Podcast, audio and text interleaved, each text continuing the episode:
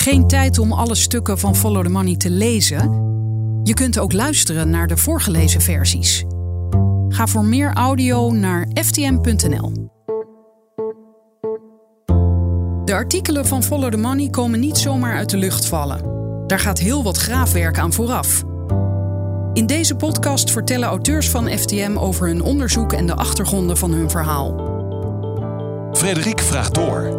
De podcast van Follow the Money.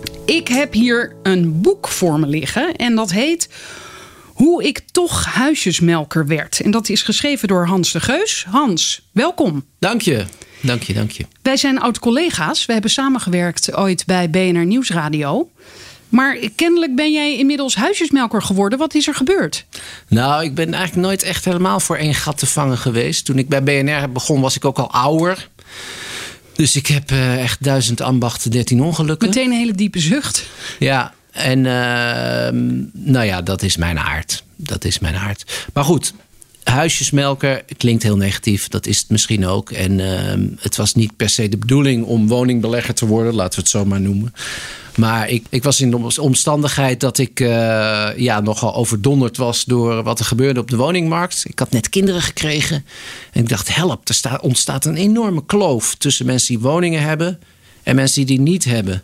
En die kloof wordt alleen maar groter. En dat was het nadeel natuurlijk van mijn vak. Ik analyseer dat, ik kijk daarnaar en ik zag dat gebeuren. En ik dacht, help, ik heb echt de boot gemist en het gaat helemaal verkeerd. Ik moet aanpikken, ik moet een noodsprong maken. Want op dat moment uh, had jij geen huis. Nee, klopt. Ik Tenminste. Had, ik had wel al wat winsten uit verleden huizen, zeg maar. Nou, Hoezo uh, winsten uit verleden huizen? Nou, ik had vroeger wel eens een huis gehad en dat met winst verkocht. Aha. Gewoon toevallig, hè? niet als handel, maar omdat dat op dat moment zo uitkwam. Dus ik voelde me heel rijk. Maar op een gegeven moment, als die huizenprijzen hard stijgen, dan smelt dat geld gewoon weg natuurlijk. Want je koopkracht daalt. Uh, dus ik had finaal de boot gemist. En ik maakte me daar heel erg zorgen over. Dat is een beetje mijn aard ook hoor. Om al snel over dingen zorgen te maken. Dus dat zegt op zich niet zoveel. Maar, maar ik ben daarna je... gaan. Sorry. Nou, je zei net even als uh, sideline. Uh, omdat jij er ook mee bezig bent voor je werk. je bent beurscommentator bij RTL Z. Ja, klopt. En ik schreef toen ook al stukjes voor Follow the Money. Dus een van de stukjes was de ondergang van de huisjesmelker uit jaloezie eigenlijk ook natuurlijk. En uh, omdat ik, uh, als je zelf niet meedoet, dan is het best fascinerend om te zien hoe alles kapot gaat. Dus daarom was die grote financiële crisis van 2008. Ja, die kwam als een geschenk, want daar kon ik leuk over schrijven. En ik huurde zelf, dus ik had mijn kop onder het maaiveld. Ik had nergens last van. En uh, ik kon eens lekker zien hoe de boel om me heen instortte dat was fijn. Maar toen krabbelde het veel sneller dan verwacht weer op. Ik snap eigenlijk nog steeds niet hoe het kan. En nu ook weer, na corona, hoe, die, hoe hard die huizenprijzen stijgen. Um, is, dus, is dat niet even weer meteen een sprongetje, maar omdat wij mensen gewoon veel te graag willen geloven dat iets weer goed komt? En snel ook? Nou, het is vooral, uh, en dan zitten we misschien meteen bij de kern van uh, de analyse van het boek. Hoe kan het nou dat het zo hard stijgt? Dan moet je kijken wie kopen er nu. Dat zijn de mensen die, uh, of hun kinderen, of de mensen zelf, of hun kinderen, dat is nog erger.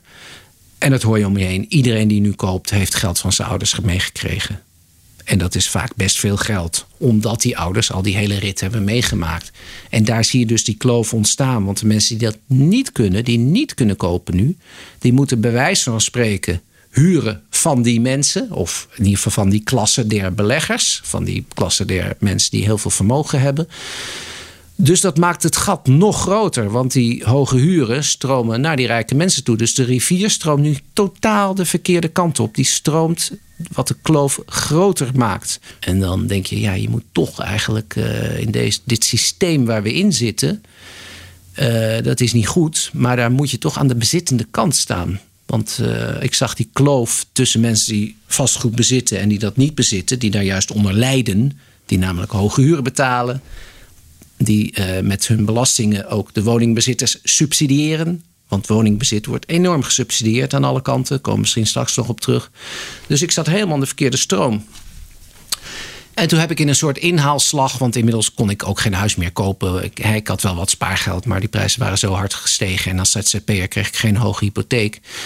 En toen bleek dat, je, uh, dat ik met dat geld eigenlijk heel makkelijk wel uh, huurhuizen kon kopen ook met een hypotheek. Huurhuizen, meerdere dus. Ja, ik heb er nu, nou ja, een aantal. Nou, drie, ik wilde bijna het getal zeggen, drie. drie. Nou, ik zeg maar ja, kan je gewoon op het kadaster opzoeken. Dus dat is ook genoeg hoor. Ik hoef er helemaal niet rijk van te worden, maar ik wil mijn pensioen veiligstellen. En ik wil iets van vastgoed aan mijn kinderen nalaten. Um, dus ik ben, ja, en dat ging vrij makkelijk, zeg je. Hoe, hoe makkelijk is dat dan? Nou ja, wat je, uh, wat je ook hebt is beleggershypotheken. Dus ik kon eigenlijk makkelijker een hypotheek krijgen voor die huurwoningen dan voor mezelf. En waarom is dat? Omdat die bank ziet dat de inkomensstroom van die huren vrij hoog gaat zijn. Dus ze hebben een beter onderpand? Ja, ze hebben een goed onderpand. Uh, ze hebben een goed, goede inkomensstroom. En dan krijg je die lening. Maar even, jij kreeg letterlijk te horen, uh, u als ZZP'er, we geven u geen hypotheek om zelf een huis te kopen. Maar we lenen u wel geld, dus ook een hypotheek, om andere huizen te kopen die, waar u dan zelf niet in kunt gaan wonen? Nou, ik kon wel wat lenen, maar in essentie klopt het wat je zegt, ja. Maar wat ik moest lenen om een verbetering te hebben vanuit mijn woonsituatie was natuurlijk wel echt een fors bedrag in Amsterdam. Ja, dan heb je gewoon een miljoen nodig. Nou, dat kreeg ik niet. Maar in de essentie klopt het ja, wat je zegt. Ja. En uh, waar kocht je toen je eerste huis? Nou ja, ik zocht een gebied wat uh, inmiddels had ik. Nou, er was tegelijkertijd was ik uh, ook vastgoedontwikkelaar geworden met een aantal compagnons. Want dat is ook heel makkelijk? Of? Nou, dat is niet zo makkelijk, maar daar wist ik natuurlijk niks van. Maar ik had toevallig samen met een vriend een object gevonden. En daar hebben we twee ervaren vastgoedontwikkelaars bijgehaald. Dus die werden mede-eigenaar. Een object, waar hebben we het dan over? Uh, een oude bioscoop in Amsterdam. Die zijn we nu, uh, worden binnenkort verbouwd tot uh, appartementen. Dus ik voeg ook nog wat toe aan de woningvoorraad. Dus dat is dan weer de goede kant van de zaak. Um, maar goed, dat is we moeten het misschien niet al te lang over hebben. Maar ik heb van die gasten enorm veel geleerd. En vooral dat je niet op advies moet beknibbelen. Dus toen dacht ik ineens, weet je wat, ik moet gewoon een makelaar nemen. Hoe, hoe simpel kan het zijn? En die heeft mij begeleid. En die heeft mij gewezen op een wijk die niet al te duur was. Waar de huren relatief ja, toch vrij goed zijn. Dus waar je rendement uh, prima is. Ja, en dat is in Zuidoost. Ja, en daar begint jouw boek ook. Hè? Het eerste hoofdstuk beschrijft hoe jij naar dat huis ging kijken. Ja. En uh, ja, je brengt het eh, goed in beeld dat daar allerlei mensen rondlopen met kinderen. En die kinderen zijn al aan het zeggen: ik neem die kamer, ik neem die kamer. En jouw makelaar zegt dan tegen jou. Uh, nou, wat zegt hij letterlijk, weet ik even niet. Maar zoiets van uh, keep on dreaming. Want uh, jij gaat hier, wij gaan hier een bod op doen. En deze mensen maken geen schijn van kans. Ja, daar kwam het wel op neer, ja. ja. Snoeihard dus. Ja, nou ja, dat is inmiddels een cliché. Ik geloof dat er zelfs al filmpjes waren dat een, een nep prins Bernard zo speelt. En die komt binnen en die koopt alles op. Dus het is een beetje cliché, maar het is wel zo. En uh, het is wel grappig, want iedereen begint daarover. En ik heb het ook over mezelf afgeroepen. Maar dit nou, is jij begint je boek ermee, hè? Jawel, dat weet ik wel. Maar ik begin met een boek daarmee, zodat wij hier nu samen zitten. Ja, dat dus jij bent erin getrapt. Absoluut, absoluut. Maar goed, het is ook een heel interessant boek. Uh, en het begint inderdaad heel beeldend. Van oké, zo gaat het dus dat iemand die kennelijk zelf niet een hypotheek krijgt om zelf groter te wonen, kan wel een ander huis kopen waar die andere mensen laat wonen. En daar krijgt hij huur van. En verderop in het boek lees je dan, dat wist ik helemaal niet, uh, over die inkomsten hoef je helemaal geen belasting te betalen. Nou, het zit gewoon een, huur, een, een beleggingswoning zit in box 3. Dus je betaalt wel de gewone een vermogensrendementsheffing. Dat is 1, 1, het hoogste geval marginaal 1,6, maar het begint bij 1,2. Dus dit is net zoveel als spaarders betalen, die misschien negatieve rentes hebben of nul rentes. Dus dat is ja, belachelijk laag belast natuurlijk. Maar jij wil dus met dit voorbeeld aantonen dat er iets of, of heel veel in ons systeem uh, niet klopt. En je introduceert ook, en dat, dat staat ook in de ondertitel, een nieuwe term, wat mij betreft, uh, over woonarmoede en ongelijkheid. Woonarmoede, wat is dat? Dat zijn de mensen die er nu moeilijk aan te pas komen, die met hoge woonlasten zitten, starters op de woningmarkt maar dat kunnen ook vijftigers zijn die per ongeluk opnieuw moeten, hè, na een scheiding of na een verhuizing naar een andere stad, opnieuw moeten gaan huren of kopen. Uh, waarvan vaak de inkomens ook nog onder druk staan. Dat geldt natuurlijk met name voor jongeren met flexbanen. En die geconfronteerd worden met, uh, ja, met hele hoge woonlasten. En dan, uh, daar is een term voor, dat heet de woonquote. Dus deel van je inkomen wat je aan wonen uitgeeft dat is gemiddeld hoog. Maar als je goed in die cijfers gaat kijken, en daar ben ik eigenlijk helemaal niet goed in, maar ik heb allemaal hulp gehad, links, rechts. Ehm, dus daar heb ik mezelf ehm, behoorlijk ehm, moeten pushen. Want ik ben meer iemand van, van, de, van de narratief en de beschrijving. En ik weet gewoon hoe het zit. En dat klopt dan ook wel. Maar het is wel fijn als je dat toch ook een beetje met cijfers aan kan tonen. Dan zit de grootste ellende van die hoge woonquoten... zit vooral bij jongeren. Die zitten tot wel 50 procent. En ik weet zeker in de stad misschien nog wel hoger. Want dit zijn landelijke gemiddeldes. Dus dat betekent dat uh, die jonge mensen... Of, of de mensen die opnieuw moeten beginnen... Ja. die betalen mm, in ieder geval de helft... of meer dan de helft van hun inkomen gaat op aan wonen. Ja, En dat noem jij woonarmoede. ja. Want precies. dat is een armoedige situatie. Ja, en het Nibud zegt het mag eigenlijk maximaal 20 of 25 procent zijn. En dat is grappig, want mag? Van wie mag dat? Nou ja, het Nibud die, die, die heeft regels voor hoe budgetair, hoe mensen eruit kunnen komen. En het is natuurlijk geen toeval dat mensen zoveel in de financiële problemen komen. Dat komt onder andere door die woonarmoede kennelijk. Absoluut. Absoluut. En ook dat hele verhaal van daklozen, dat noem ik niet eens hoor. Maar mensen denken misschien komt door te weinig bouwen. Daar heeft helemaal niks mee te maken. Er staan genoeg woningen leeg. Maar dat heeft alles te maken met woonarmoede. Nou ja, laten we daar dan meteen inderdaad naartoe gaan. Maar het is Eh, misschien goed om even te zeggen, Vrede. Dus dat voorbeeld gebruik ik om hier aan tafel te komen. Ja, En dat is ook zo. Maar ik heb het dan toevallig op deze manier opgelost. Met een eh, rare capriole bokkensprong. Om achteraf nog even een, een wilde inhaalslag te maken op die woningmarkt. Maar het geldt voor iedereen die vastgoed heeft. Ook iedereen die een eigen woning heeft. Dat is de bezittende klasse. En zeker als je dat al langer hebt met een lage hypotheek. Tussen die groep, dus ik en de, gewoon de woningbezitters. En de mensen die nu moeten starten of die nu al langer huren en eh, vrije sector huren. Dat is een kloof en die ga je niet meer dichten. En het grote gevaar is, dat wil ik toch even benadrukken, dat het over generaties gaat overslaan. Nou, daar komen we straks vast op terug. Maar, nou die eh, kloof die, die noem jij eh, een, een twee-kasten systeem. ja, dat dreigt. Ja, De bezittende klasse en, en de mensen zonder bezit. ja, ja. Maar nu hoor ik je zeggen, want we gaan nog helemaal niet naar oplossingen hoor. Maar jij Nee. zegt, eh, dit is helemaal niet meer in te halen. Terwijl in het boek suggereer je van nou, er valt nog wel iets aan te Nou ja, we moeten wat we kunnen voor. Kijk, de mensen die nu eh, eh, tonnen hebben verdiend op hun huis. En iedereen kent de voorbeelden om zich heen of van zichzelf. Veelvouden van hun jaarlijkse salaris. Soms misschien zelfs een leven aan werken. Wat je in lutte je jaren aan vermogen bij krijgt geschreven. Doordat je huis in waarde is gestegen? Doordat je misschien toevallig, en dat zijn ook mensen die na de crisis, bijvoorbeeld 2013, en ik gun het ze van harte, daar gaat het niet om. Maar die hebben ook al tonnen uh. Dat zijn zulke krachten. En dan is er nu een programma op tv over uh, inkomensongelijkheid van Jeroen Pauw. Maar daar gaat het helemaal niet om. Daar zit de gap niet. De gap zit niet in, zeker niet in de netto-inkomens, want die zijn in Nederland best wel gelijk.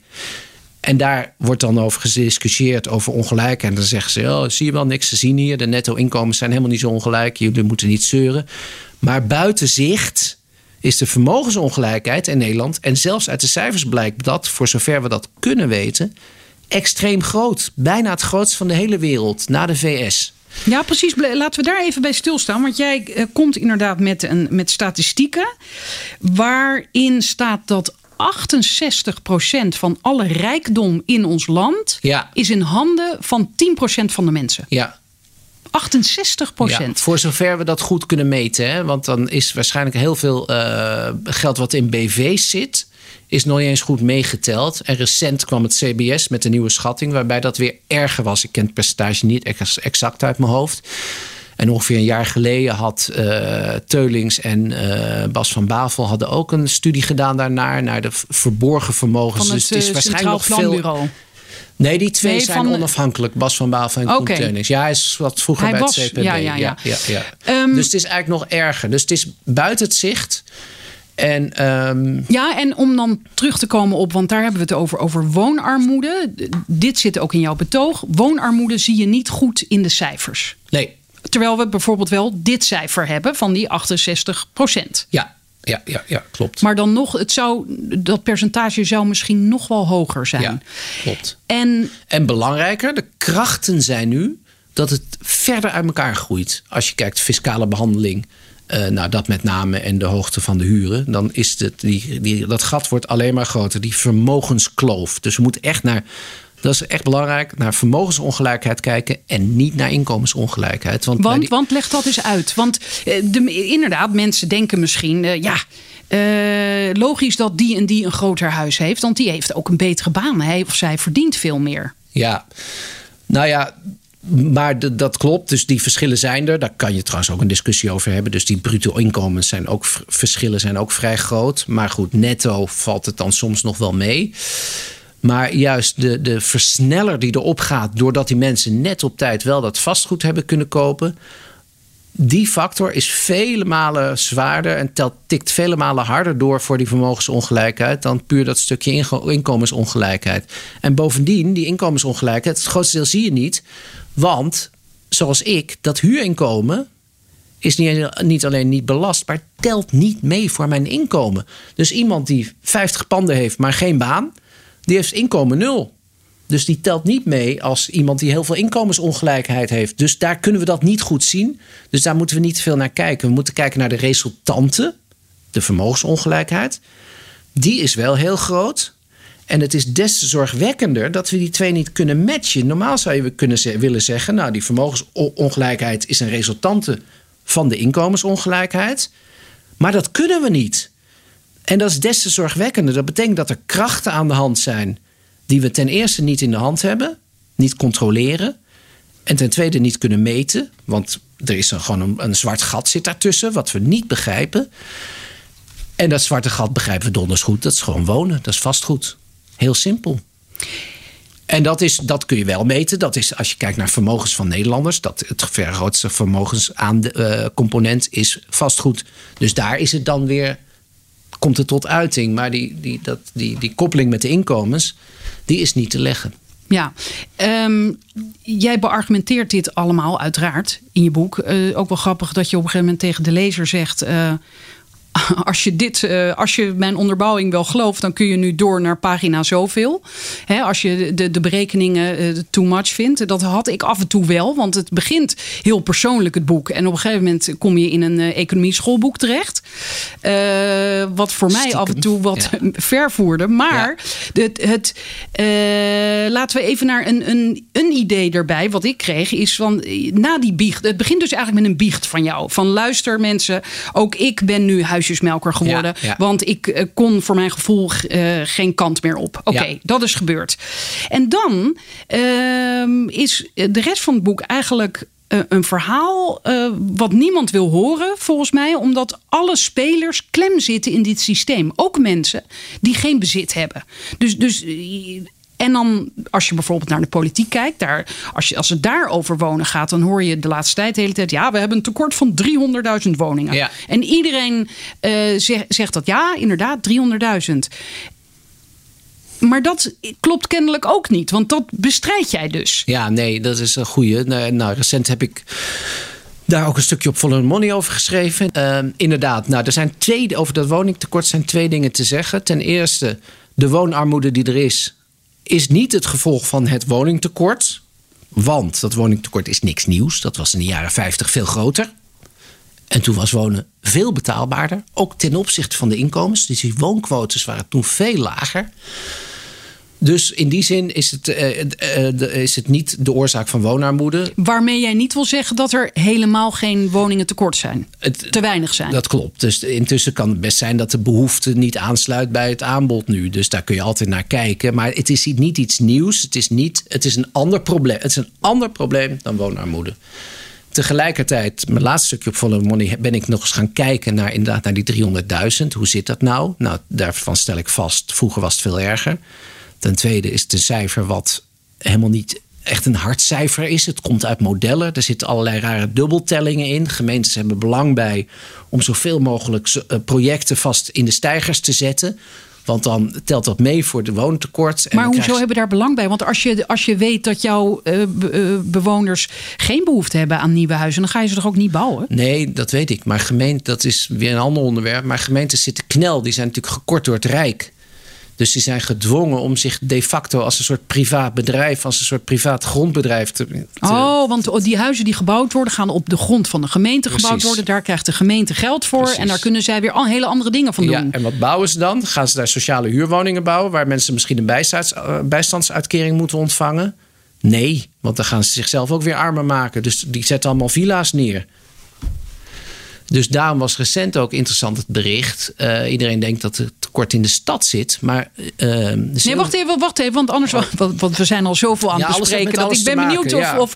Ja, het is, het is nogal ingewikkeld. Maar we waren bij. Nou, het, het feit heel dat, simpel. dat. Het ligt niet aan het tekort. Woonaanbod ligt niet aan het tekort. En het tekort zelf is helemaal niks nieuws. En daar moet je naar kijken.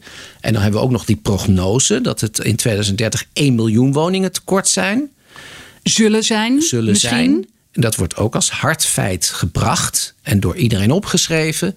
Maar dat is helemaal geen hard feit. Dat is zelfs geen prognose. Dat is gewoon een keuze die we met z'n allen kunnen maken om die arbeidsmigranten te blijven toelaten. En dan heb ik het gewoon over westerse arbeidsmigranten. Hè? Dus iedereen wil hier, hier zit de economie, hier zit de economische dynamiek. Uh, we halen steeds meer Polen binnen. We halen ook steeds meer uh, uh, uh, hooggeschoolde Italianen en Spanjaarden. Die komen hier bij Oracle werken. dat willen we, dat is een keuze geweest. Maar dat is nooit echt expliciet gemaakt. En een gevolg van die keuze is dat er een woningtekort zou kunnen ontstaan.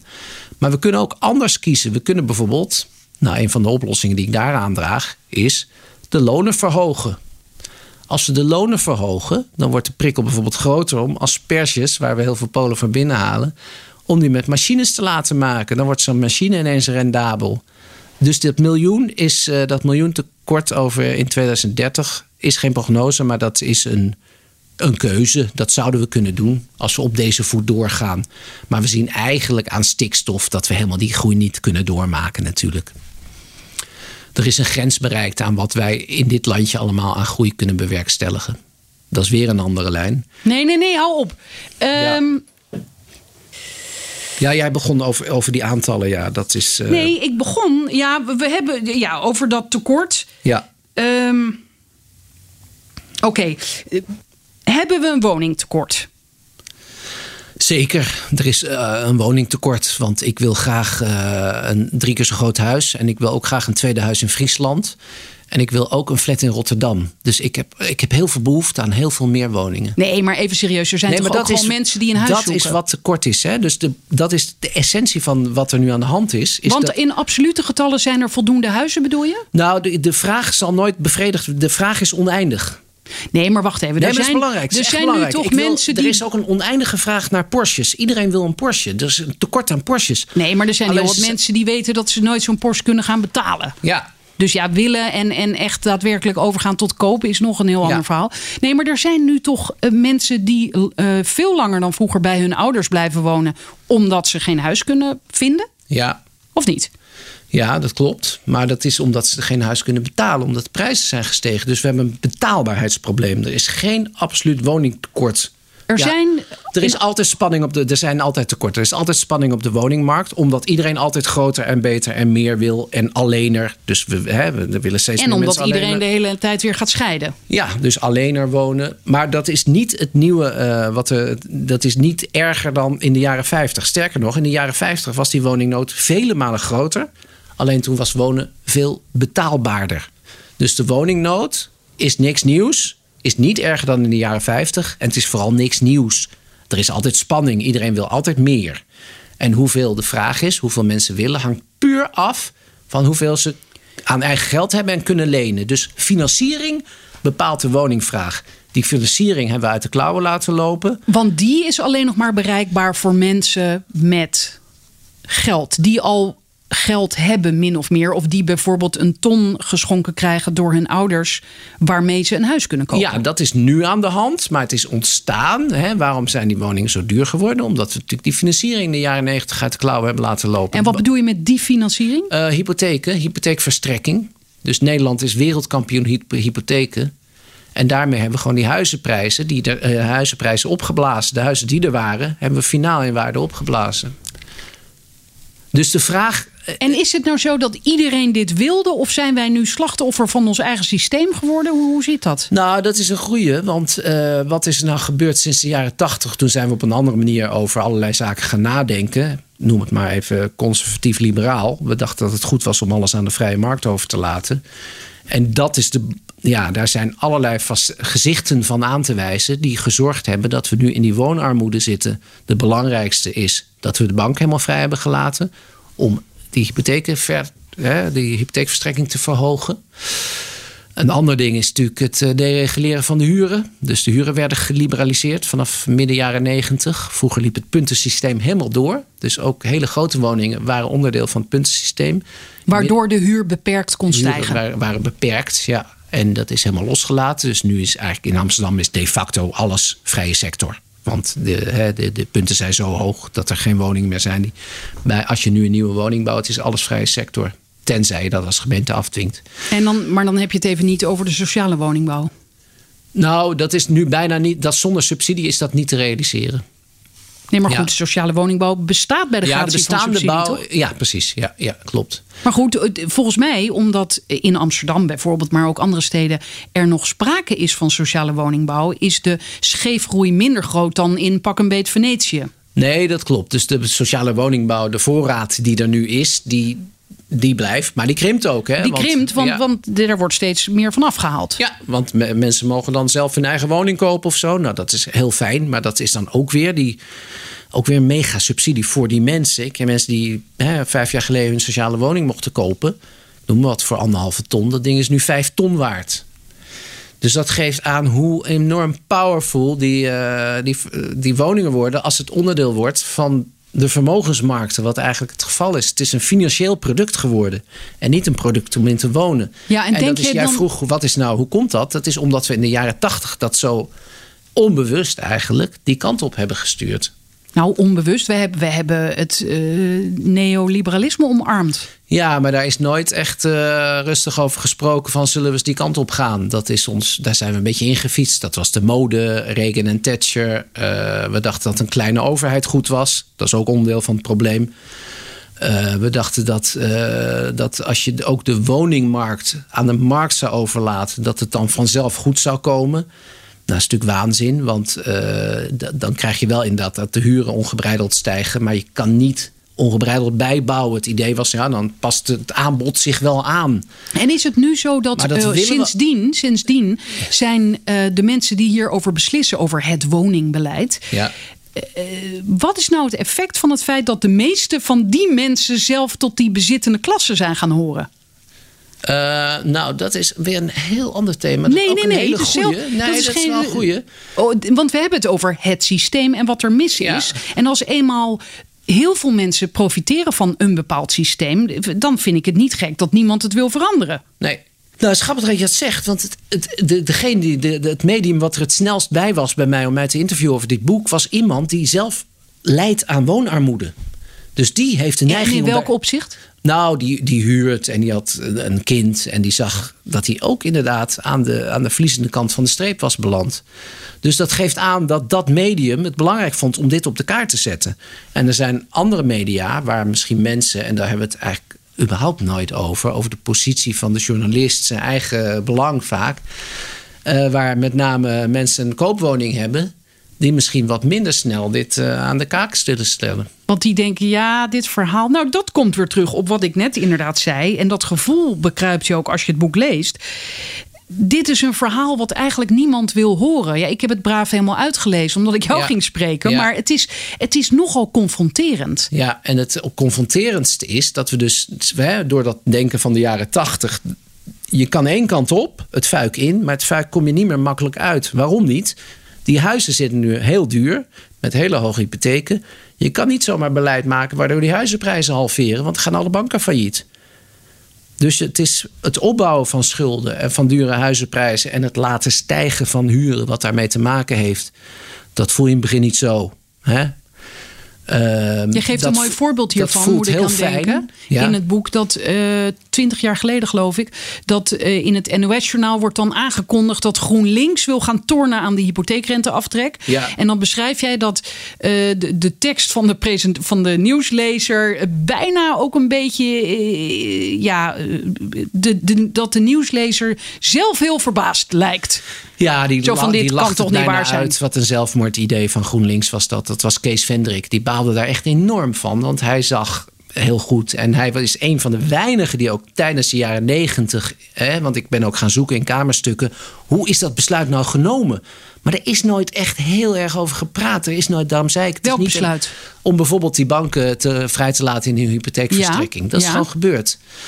En, Dat is eh, dan door de bankenlobby gekomen of zo? eh, nou ja, nee. Op een gegeven moment, is- is- er waren, maar dat is langer geleden, maar dat, daar houdt mijn kennis ook een beetje op. Maar vroeger waren er gewoon kredietrestricties. Je mocht maar je hypotheekportefeuille zoveel per jaar laten stijgen. Dat was onder, hè, door de toezichthouder. Maar dat is er op een gegeven moment afgehaald. Maar bedoel je je portefeuille dus ook als huisjesmelker? of Nee, sorry, als bank. Als bank. De Oh, hypotheekverstrekking ja, ja, ja, mocht maar zoveel procent per jaar toenemen. En dat is allemaal vrijgelaten. En welk idee zat daar, denk je, achter? Om dat te beperken? Ja. Ehm, ja, dat is een goeie. Dat is een goeie. Ik denk dat dat vooral was om de banken veilig te houden. Dus dat was nog niet eens zozeer met het idee... de prijzen mogen niet te hard stijgen. Maar het speelde toen allemaal nog niet zo. Want het eigen woningbezit was nog niet zo groot.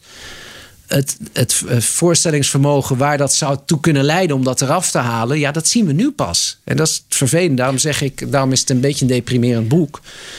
Eh, we- wisten niet waar we aan begonnen. En je kan niet meer terug. Maar er zijn net zoals bij alle crisis zijn er altijd, of minstens is er altijd één iemand die het wel voorzag, toch? Nou, eh, Was dat niet die econoom eh, Bezemer die jij noemt? Ja, die is, maar die was er toen nog niet. Die, dat is een van de mensen die het nu, die het nu goed ziet. Ja, absoluut. Dirk Bezemer in Groningen. Ehm, Want het is wel bizar om voor te stellen dat er niemand is geweest die heeft gezegd: eh, moeten we wel deze kant op? ja. Nou, ik noem in het slotwoord ook nog ehm, de. ehm, Nee, ik, ik zoek het even op. Eh, slotwoord. even kijken hoor. Nawoord. Onno Ruding, Laurens, Jan Brinkhorst. Nee, Arjo Klamer. Ja, ja, ja, ja. Iemand die eh, niet zozeer bij puur voor de hypotheekverstrekking, maar wel dat hele gedachtegoed van moet je alles aan de vrije markt overlaten. Dat is Arjo Klamer. Die was daar eind jaren tachtig al bezig. Die ging toen economen interviewen die dat idee propageerden. Eh, van eh, ja, je moet niet willen ingrijpen in de loonvorming. Je moet eh, de vrije markt een kans geven. En als mensen dan daardoor heel arm worden of in de goot raken, ja, dat is dan zo. Maar ingrijpen is erger. Dus de overheid mocht absoluut niet meer ingrijpen. Dat was toen het idee. En Arjo Klamer is een van de weinigen van, waarvan ik weet die toen al zei: van ja, dat, dat gaat niet goed. En die hoor je eigenlijk heel weinig. Een zonde. Dus die moet op een. Nou ja, over weinig horen eh, krijgen. gesproken. eh, eh, jij lijkt ook een beetje de, een roepende in de woestijn.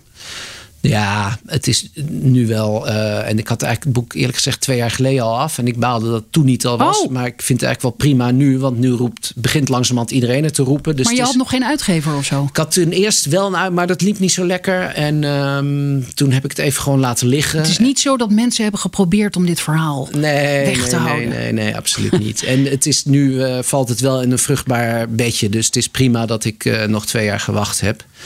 En het staat nu wel hoog op de agenda bij iedereen. Alleen ik denk dat de discussie niet goed gevoerd wordt en veel te veel op bouwen wordt gericht. Terwijl we goed ons moeten realiseren hoe zijn we hier nou echt gekomen en wat kunnen we daaraan doen. Ja, oké, jij beschrijft hoe zijn we hier gekomen. Maar dan moet je nog, eh, eh, tenminste, al heb ik het over beleidsmakers, zou je nog overtuigd moeten zijn van het feit dat dit verkeerd is. Hè? Ja. En ik denk eerlijk gezegd dat het daar eh, veel gaat stokken. Dat mensen denken, ja, ja, het is inderdaad allemaal niet fijn. Maar omdat bijvoorbeeld die mensen zelf hun kostje gekocht hebben. Of omdat het te groot is. Dit systeem is al te groot. Het is een monster. Ja, eens. Ja, eens. Ja, ja, ja. En het besef is er nog niet eens genoeg. Ten eerste. En ten tweede, je hebt helemaal gelijk. Het is zo groot. Waar moet je beginnen? Dus we hebben een enorm eh, monster laten groeien.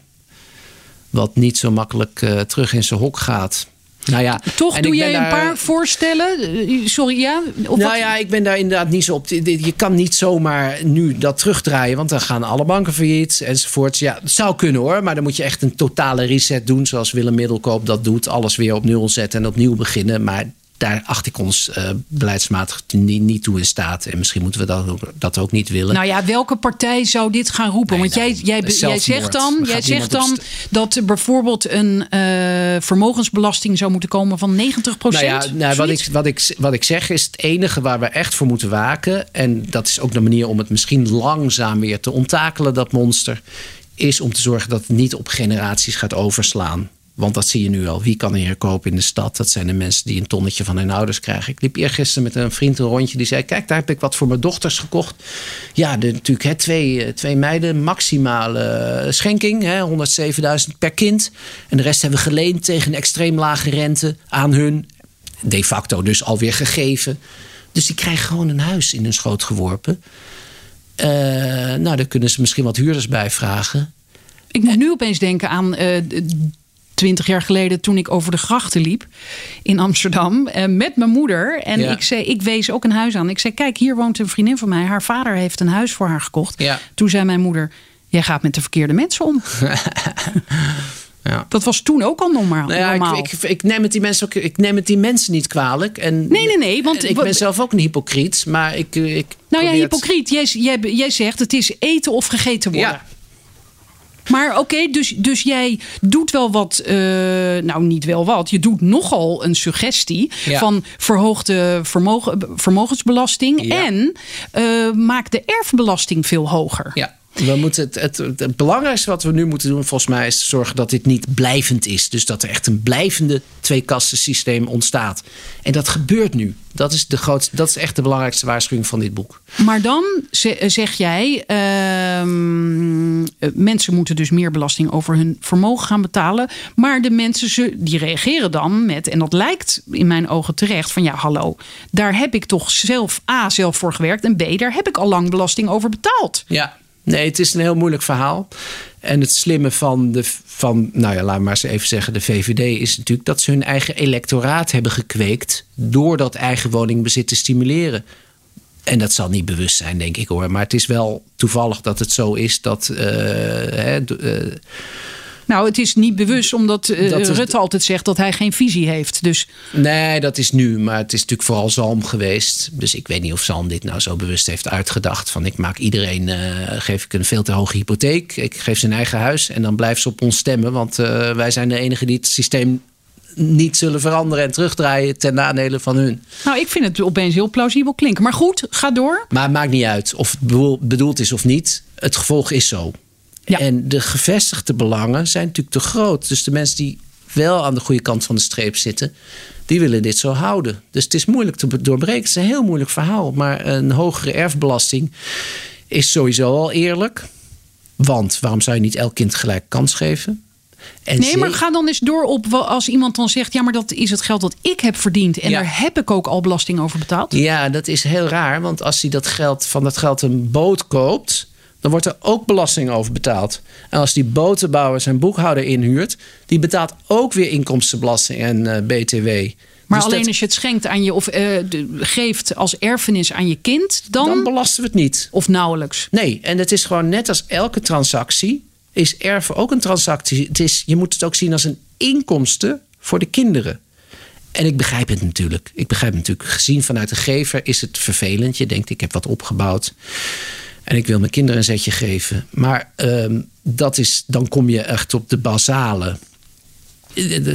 Uiteindelijk is elk argument of elk voorstel is terug te voeren op een basale ideologische aanname. Is op solidariteit ook. Precies, hoe zie je de maatschappij? Als een bunch individuals die maar het allerbeste voor zichzelf maken? Of zien we nog iets van gemeenschapszin en willen we met z'n allen de maatschappij zo goed en zo eerlijk mogelijk maken?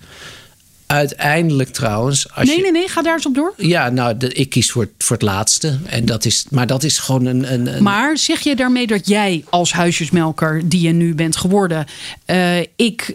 Uh, ga straks, als ik die huizen doorgeef aan mijn kinderen, dan uh, zou ik vinden dat daar een veel hogere Absoluut. erfbelasting op moet zitten? Absoluut, ja. Ja. ja. Dus dat zeg ik ook in het begin. Je kan enerzijds zeggen, hypocriet. Dus, wel, je bent hypocriet, want je doet zelf mee. Anderzijds, ik pleit juist... Ik heb juist geen belangenverstrengelingen. Tegenovergestelde. Dus misschien zou je ook kunnen argumenteren... dat de boodschap van mij, die ook profiteert van dit systeem... juist sterker is, omdat ik er zelf tegen ingaat, tegen mijn eigen belang. Maar ik wil mezelf niet nobeler voordoen dan ik ben. Maar, nee, maar hoe reageren jouw uh, mede-huisjesmelkers? Ja, dat weet ik niet. Dat weet ik niet. Dat heb, wil ik ook niet, heb ik expres niet gevraagd natuurlijk. want ik kan je die nog onder ogen komen? Nou, weet ik niet. In het sim niet. Ik heb want die gaan zeggen, misschien je bevuilt je eigen nest. Wat is nou, dit? Ik had gisteren een interview met een andere krant en ik zei: ja, ik kan dit ook veilig roepen, want ik weet dat het toch niet gaat gebeuren. Dus dat is de laffe, de laffe uh, Wat weet je wat toch niet gaat gebeuren? Nou, die hele hoge erfbelasting gaat er toch niet vandaag of morgen komen.